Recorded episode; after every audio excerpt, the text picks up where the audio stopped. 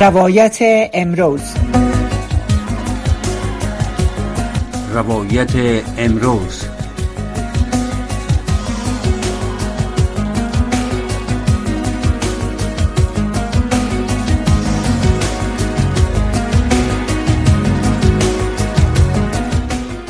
شنونده عزیز در سلام و احترام. احد عزیزاده هستم. از رادیو آشنا صدای امریکا. خوشحال هستم که شنونده ما هستین و همچنان بیننده ما از طریق ماهواره صدای امریکا. همونطور که به شما واضح هست طول تقریبا دو ساله که ما این برنامه را آغاز کردیم. برنامه روایت امروز همیشه هر روز بعد از برنامه روکراس تقدیم میشه. در برنامه روایت امروز بر یک موضوع تمرکز می‌کنیم و گذشته از مسائل جوری روز روی موضوعات هم می‌پردازیم که موضوعات واقعات روز نیست ولی موضوعات است که در اثر دیگرگونی های افغانستان که به میان آمده از دو سال به این طرف مورد منازعه قرار داره و مورد از این قرار داره که روی از آدم تعمل بکنه تعمق بکنه و با تحلیلگرا با مهمانان عزیز صاحب قلما کسانی که نویسنده هستند کسانی که شاعر هستند کسانی که در عرصه های ابعاد مختلف هنری و ادبی دستن در کار هستند در افغانستان همونطور که شما مشنوین روز تا روز محدودیت ها بر همه اقشار مردم اتفاق میفته تطبیق میشه. تعداد زیادی از مردمی که در افغانستان از هر چیز ممنوع هستند از همه هنرها ممنوع هستند از برهانها قیدات مختلف هر روز وضع شده میره. چشم و امید از اونا با کسانی است که در خارج از وطن هستند در افغانستان هستند چه از نظر اقتصادی مالی؟ چه از نظر وضعیت بر زنان و دختران افغانستان که صدای از اونا را انکاس بتن به مراجع بزرگ و جهان در مجموع. چی از نظر کسایی که در خارج موقعیت های دارن که این کارا را نسبتا و به طور قطعی آزادانه بدون کدام سانسور می‌تونن انجام بدن. ما در برنامه روایت امروز همیشه به همین موضوعات می‌پردازیم. امیدوار هستیم که شما هم در نظریات و تبصره که بر ما روان می‌کنین می نویسین موضوعات مشخص هم بر ما بنویسین که روی از ما بتونیم با صاحب نظرها و صاحب نظرها هم تحلیل و گفتگو داشته باشیم. در برنامه امروز در مورد ارزش کارهای ادبی میارها و وظایف و رسالتهای شاعران و نویسنده ها و ژورنالیست ها در خارج از افغانستان صحبت می‌کنیم. یک تن از صاحب نظران که در همه عرصه ها وارد است چی در شعر چی در نویسندگی در تاریخ نگاری و در ژورنالیسم و سیاست آقای کریم پیکار پامیر هستند من فکر می‌کنم که اکثر شنونده عزیز ما با اونا آشنایی دارن با کارهایشان. جناب پامیسب بیشتر از 34 از 35 کتاب نشته کردن. که شامل مجموعه اشعار در مورد سیاست در مورد تاریخ است. برنامه های تلویزیونی هم دارن که به طور منظم روی تاریخ افغانستان برنامه های تلویزیونی آماده می سازن بحث می‌کنن تحقیق می‌کنن و کتاب می نویسن در پولیزی جناب پیکار پامیر شما با ما هستین؟ این مقدمه رو به خاطر گفتم که یک آمادگی برای معرفی شما شد. بله درود و احترام خدمت شما دوست گرامی جناب اجزاده و شنونده های گرانقدر ما. بسیار زیاد تشکر. امروز لطف کنین در مورد ارزش کارهای ادبی صحبت می‌کنیم در خارج از افغانستان.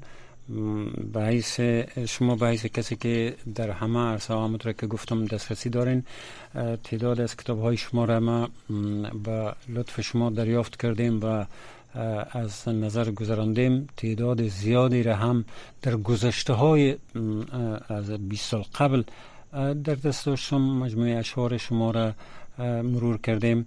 و کتاب هایی که هم شاید هیچ انوز ما خبر نباشه ما شما نوشتین و که امیدوار هستم شما در ضمن در, در متن ای برنامه دو مورد گزارش بتین.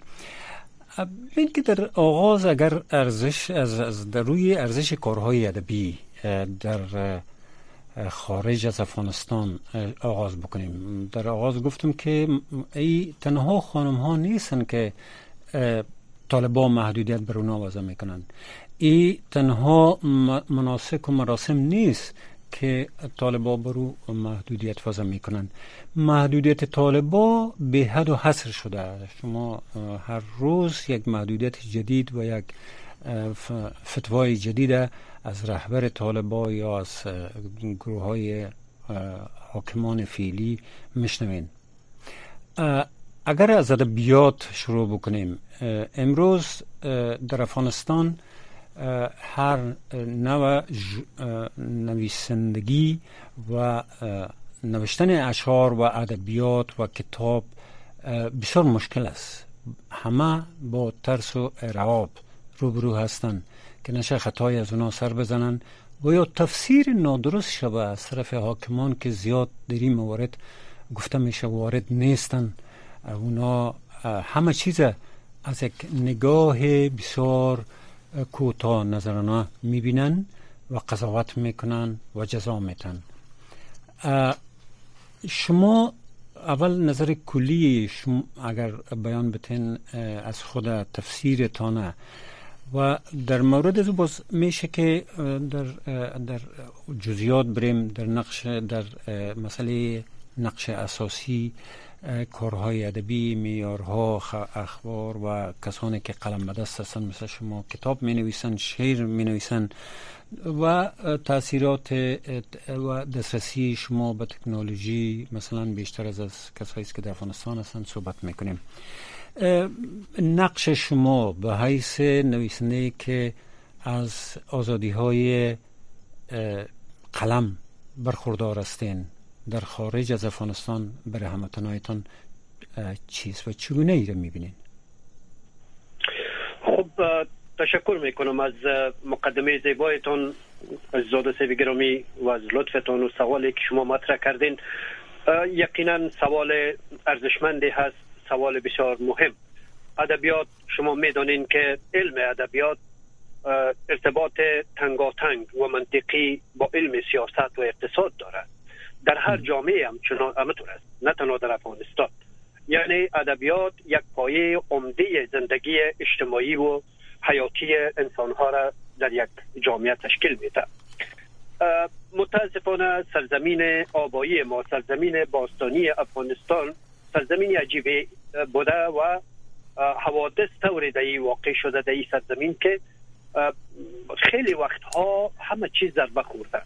نه تنها تلفات انسانی وجود داشته ویرانگری ها آمده در طول تاریخ بلکه در بخش ادبیات ما هم جفاهای محدودیت های بزرگی واقع شده و تحمیل شده.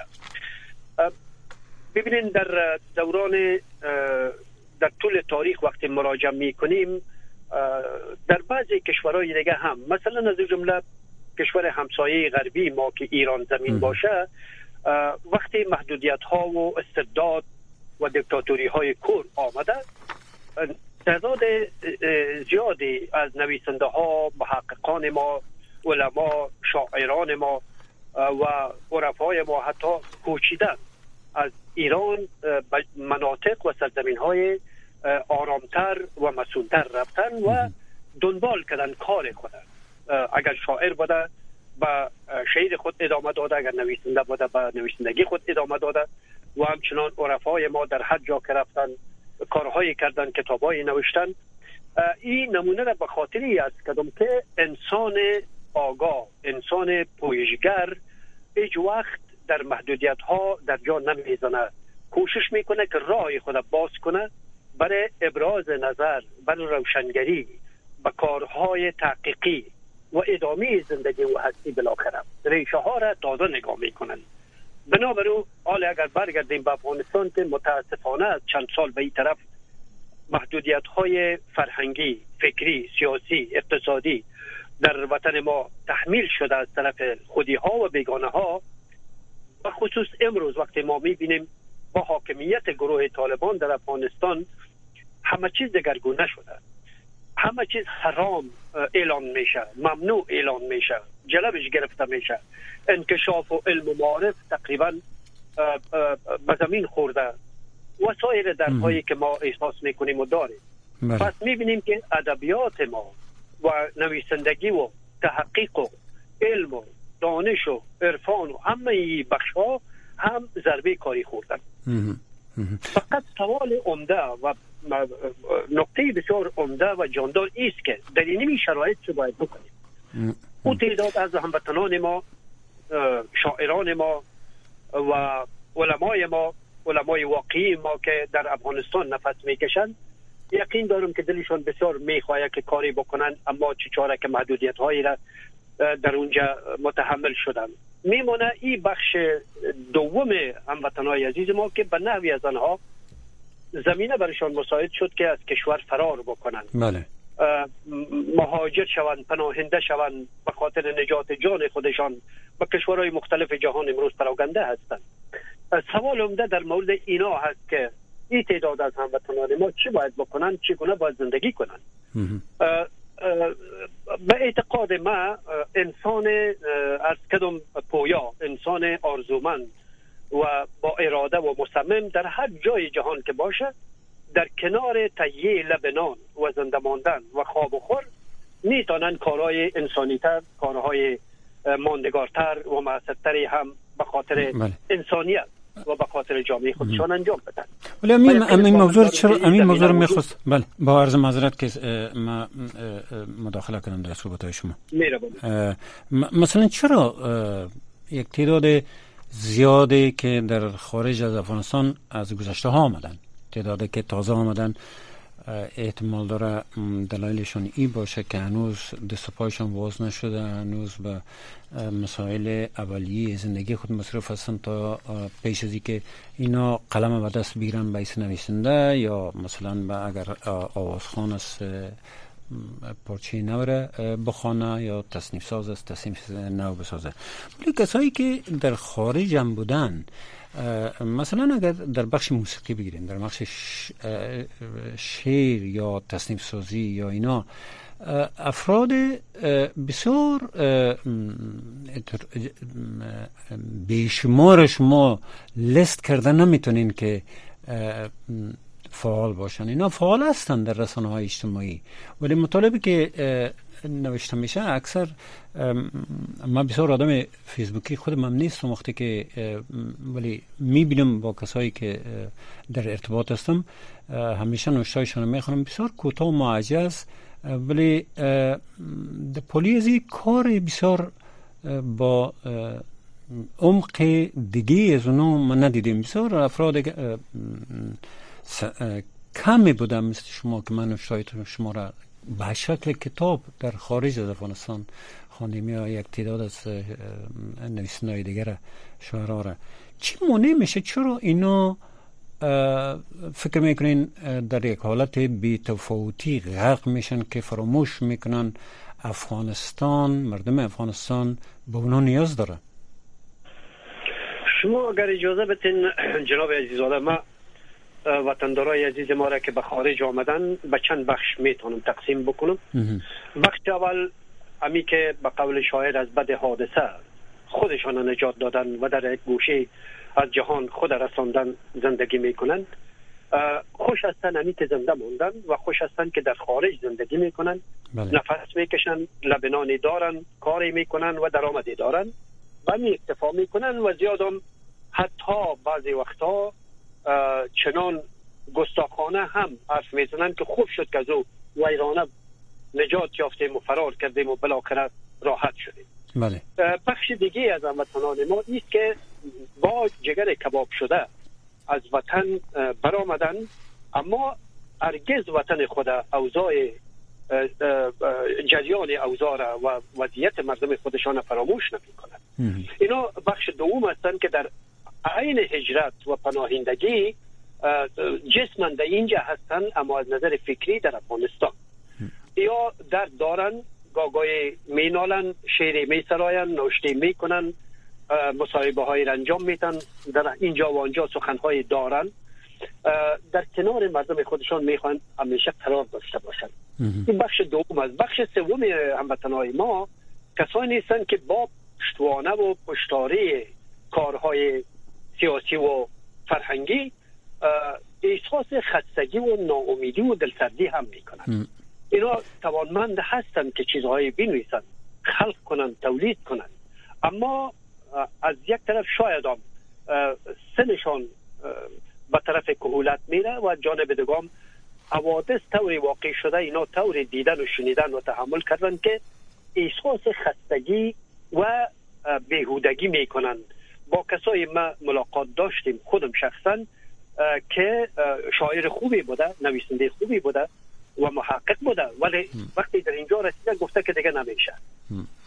بسیار مایوسانه صحبت کردن که ما بازم اگر بگویم که گستاخانه در برابرشان سخن گفتیم و گفتیم که نباید شما نامید شوین شما خودتان باید بشناسین شما می‌تونین مصدر کارهای مهم شوین به مردم بیچاره و بیکس و بیکوی ما. و خوب است که از این فرصت ها از این زمینه ها شما استفاده بکنید. حتی بسیار وقتا ما اعلان همکاری امرایشان کردیم و گفتیم هر آنچه از دست ما بیاید دریغ نمی کنم مشهود به که شما به کارهایتان شروع بکنین و ادامه بدین. بخش دیگه چهارم هموطنای عزیز ما است که رسیدن به جهان غرب یا بیرون افغانستان و پناهندگی بر از اینا فقط از نقطه نظر اواید و دلار و موضوعات اقتصادی و خریدن خانه و موتر و زندگی یعنی آرامش بخش مورد نظرشان است و بعد. علاوه از او دست های هم در کار هست که افغان های کارآمد ما را به افغان های ناکارآمد مبدل می سازند مثلا وقتی در مجموعه ها در نشست ها در محافل صحبت از افغانستان و درد و داغ مردم میشه. بسیار زود میگن که برادر یک گپ دیگه بگوین که بسیار جگر خون میشیم. بس از دیگه مسائل. که این خودش یک گناه است نابخشودنی. پس می‌بینیم که به اعتقاد ما بیرون برآمدن از افغانستان از یک جانب اگر دردناک است که ما کشور یعنی زادگاه شیرین خود از کف میتیم بیگان دور میشیم از جانب دیگه غنیمت نه تنها برای فرزندان ما که در اینجا می‌تونن دست بخوانن تحصیلات خود بلند ببرن آموزش های داشته باشن شخصیت های کارآمد شوند برای خود ما هم که در سن سال یا میانه یا سن سال بلندتر قرار داریم غنیمت است به خاطر کارکردهایی که اگر ما بخواهیم او را انجام بدیم و کار کنیم. من به می اعتقاد هستم که خودم شخصا نفس می‌کشم و همچنان تحسین می‌کنم به او عده از هموطنان عزیزی که یا بشناسم از نزدیک یا نمی‌شناسم اما تولید فرهنگی و علمی دارن کار می‌کنن کتاب می نویسن فریاد می‌کنن اثرگذار هستند. در بله. بخش روشنگری افکار مردمی ما کار می‌کنن و صدایشان بلند است. من همیشه تحسین می‌کنم به چنین هموطنای عزیز که صرفا به خورد خواب اکتفا نمی‌کنن کارهای هم دارند. و در قسمت تورنتوی کانادا اگر قرار باشه به صنعت خط بله. قسمت شما و شنوندای عزیز صحبت بکنم زیادترین تعداد هموطنان ما خوشبختانه در همین شهر بزرگ تورنتو زندگی می‌کنند. تا جایی که ایسایه ها میگه حدود بیشتر از 150 هزار افغان در این شهر زندگی می‌کنند که خودش یک کتله بسیار بزرگی هست. بله،. و من در اینجا روزانه می‌بینم گرایشات مختلف شخصیت های مختلف طرز تفکر مختلف. دیده میشه شنیده میشه لمس میشه. و محافل مختلف در اینجا البته داریم کنفرانس ها دید و ها همه ادامه داره. اما آنچه که من در مقدمه صحبت خود عرض کردم کار ماندگار کار موثر باید انجام شود.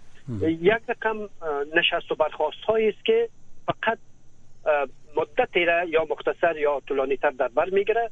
یک چای صرف میشه یک غذای یک صحبت ولی دیگه همه چیز فراموش میشه. ولی ولی چرا عامل عاملش شما در چی می‌بینین؟ مثلا؟ بله.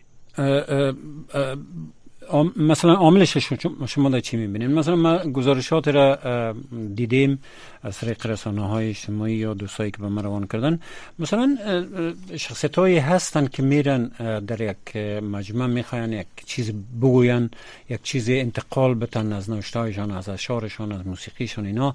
ولی وقتی طرف سالون نگاه می‌کنین شاید از ده دوازده نفر زیادتر نباشن. بله. یعنی عدم علاقمندی مردم. چی باعث شده که اینا مثلا در زمان برزنا یک کسی یک محفل هم ترتیب می‌کنه یک شاعر و نویسنده یا ژورنالیست یا آوازخان هر کسی که در رشته های مختلف ادبی و هنری مصروف هستن میان که یک چیزی از خود انتقال بتن ولی تعداد کسایی که در سالون هستن اقدر کم است که آدم دل سرد میشه. بله. چون این در دایره هم ما داریم. جناب عزیزاده ما هم می‌بینیم تقریبا در همین هم قابل مشاهده هست.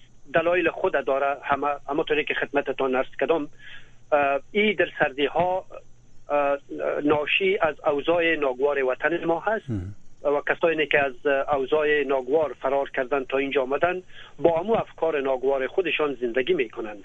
می‌بینیم بیشترین علاقمند در میان هموطنان ما علاقمندان موسیقی هستند. بله،. فرزن اگر شما دو رو گوهر داشته باشین در لابلای یک کتاب رو تقدیم هموطن بکنین او قدر کشش در همین شرایط ناگوار امروز نداره که یک کنسرت کشش دارد ولو که یک آوازخان ما آوازخان چندان میاری هم نباشه. ولی میگن بریم که ساعت ما تیر شود. این در بین خانواده ها متاسفانه ترویج شده. فلان شاو کنسرت است بریم که ساعت ما تیر شود. از یک فامیل حدود چهار نفر حداقل حرکت می‌کنن میرن و هر کدام 50 دلاری تکت می‌گیرن 200 دلار. و خب تا یک وقت شو معلومه یک چهار خواندنی هست و یک برای خودشان یک رفای فکری و برمیگردن. بله بله بله خب وم وم جناب پایکار صاحب در صحبت که قبلی که با با بعض از شخصیت های هنری ادبی داشتیم اونم چیزهای بسیار بسیار نو و تازه ارزه نمی‌کنن با مردم. اما دیمپق دیمپق به اصطلاح که شما می‌گفتین یا دیمتق اونموز اونمو آهنگای کونه 40 سال 50 سال پیش است که یا کوپیس که از, از های محلی افغانستان با نو... کلانترین نواوریشان یک اضافه کردن یک جاز است مثلا جاز بند یا گیتار بله. است.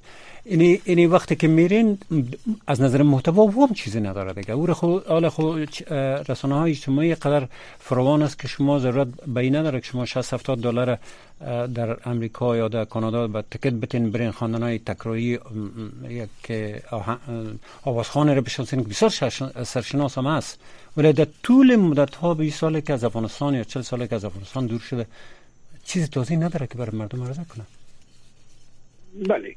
در بخش هنر آوازخانی قول شما را تایید می‌کنم که ابتکار کمتر دیده میشه ولی تکرار بیشتر. اگر آوازخانه های ما هنرمندان بخش موسیقی ما مبتکر باشند ایجادگر باشند خلاق باشند آدم میباله و قابل تحسین میدانه کارشانه این گپ بسیار درست است.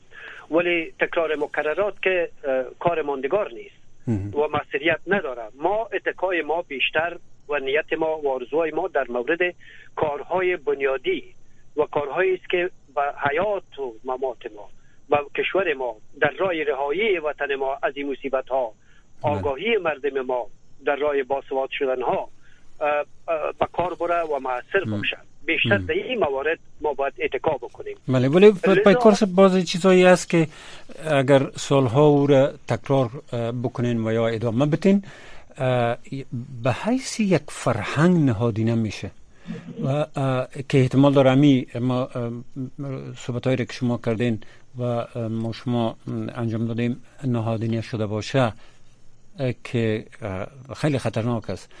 چطور شما به حیث نویسنده و همسنگرای شما کسانی که مثل شما زحمت می‌کشن کتاب می نویسن شعر میگن و موسیقی نوازا و چیزایی کسایی که هستن تصنیف سازا اینا چطور بشکنانن این فرهنگ؟ یک, یک چیز رواج بتن از طریق امکاناتی که بر از اوناست از طریق رسانه اجتماعی آزاد وجود داره از منابع نشراتی مثلا شما هم کتاب می نویسن کتاب های نویسنده دیگه هم هستن که کتاب می نویسن ولی تعدادشان انگ شمار است. چطور ایره شعله ورتر بسازن؟ به اعتقاد ما جناب عزیزاده ما باید بپذیریم که به یک تحول و رستاخیز فرهنگی نیاز اشد داریم. هر انسان فرهنگی ما اگر میگه که ما یک انسان فرهنگی هستم و احساس مسئولیت می‌کنه باید یک رستاخیز فرهنگی را بپذیره جرأت بکنه شهامت داشته باشه افشاگر باشه و بله. نواور بله. در غیر از او مثلا ما در بسا محافل می‌بینیم در بخش سخنرانی ها یک آدم یا چند آدمی علاقمند است که سخن بگویه یا دست خود بلند می‌کنه فرصت می‌خواه و یا چانس میگه که من هم صحبتی دارم. اما وقتی بالای استیج میایه جز امو تکرار مکررات دیگه چیزی را ما نمیشنویم. این اینجاست که همیشه من خودم شخصا طرفدار ابتکار در سخن و در صحبت و در کار و در پشت کار هستم. بله. انسان های ما باید سخنان تازه داشته باشند. با جرأت باید بگویم نقاد باشند. افشاگر باشن. اگر شعر میسران شعرشان شعر مبارزاتی باشن که تحقق بیافته به زندگی و حیات ما. شعر تفننی آل به درد نمی‌خورن یا اگر سنت شکنی کنن بله. یعنی این نوع ابتکارات ما اشد نیاز داریم که در بیرون باید تلسم شکن شویم. بله. در غیر آن هر آنچه که میگیم قبلا هم گفته شده در آینده هم گفته خواهد شد این فرهنگ ما را به طرف ضعف و زوال می‌برد. ما بله. نمی‌خواهیم چنین باشد. مثلا اگر اید است شما ببینید ما به اجازه تان یک چیز که اینجا می‌خوانم که ما به مناسبت اید سرودیم اگر ما یک نیم دقیقه وقت داریم میربانی از شماست وقت شماست. بله. مثلا ما زیر عنوان قناری های سرگردان یک چیز که سرودیم که ارتباط و اید داره اما بله. امیدوار هستم که در لابلایش چیزهای نقاطی باشه که مورد قبول قرار بگیرد مثلا میگه به گوشم می‌رسد آهنگ اید و خوش صدایی ها به گوشم می‌رسد آهنگ اید و خوش صدایی ها سرود جنبش هر دم مبارک باد گفتن ها تنین تبل و تمهید و تمناها. ز برج باروی شهر سیابختان و این تبل و تنین آرد چنان آشفت باد بی سرانجام شب یلدا. و گوش خسته مخلوق سرگردان. بله گویند اید است و مبارک باد گفتنها. سرود است و خرام است و تماشای دویدنها. ولی ای دوست می‌بینی؟ دم آن ترک هم شور و غوغایی سرود گریه تلخ است و دود آتش و درد است. ببین ای دوست بله. بموید کودک و مادر. پدر اندر کنار کشته فرزند دلبندش. کشد آه جگرسوزان. و دست و سر و پای جدا افتاده از پیکر. درد انفجار آهن و خشم جهان سوزان هر آن سر کو فراز تن نماد عقل و تدبیر است. هر آن سر کو فراز تن نماد عقل و تدبیر است. بله. بسوز از آتش خیلی عالی. جناب پکار صاحب از شعر مقبولی که سرودین بسیار متاسف هستم که وقت برنامه ما به پایان رسیده. برنامه دیگه ما باید آغاز شود. این صحبت حتما در برنامه های آینده ادامه میتیم ممنون از شما. شنونده عزیز از شما تشکر که شنونده و بیننده ما خدا بستم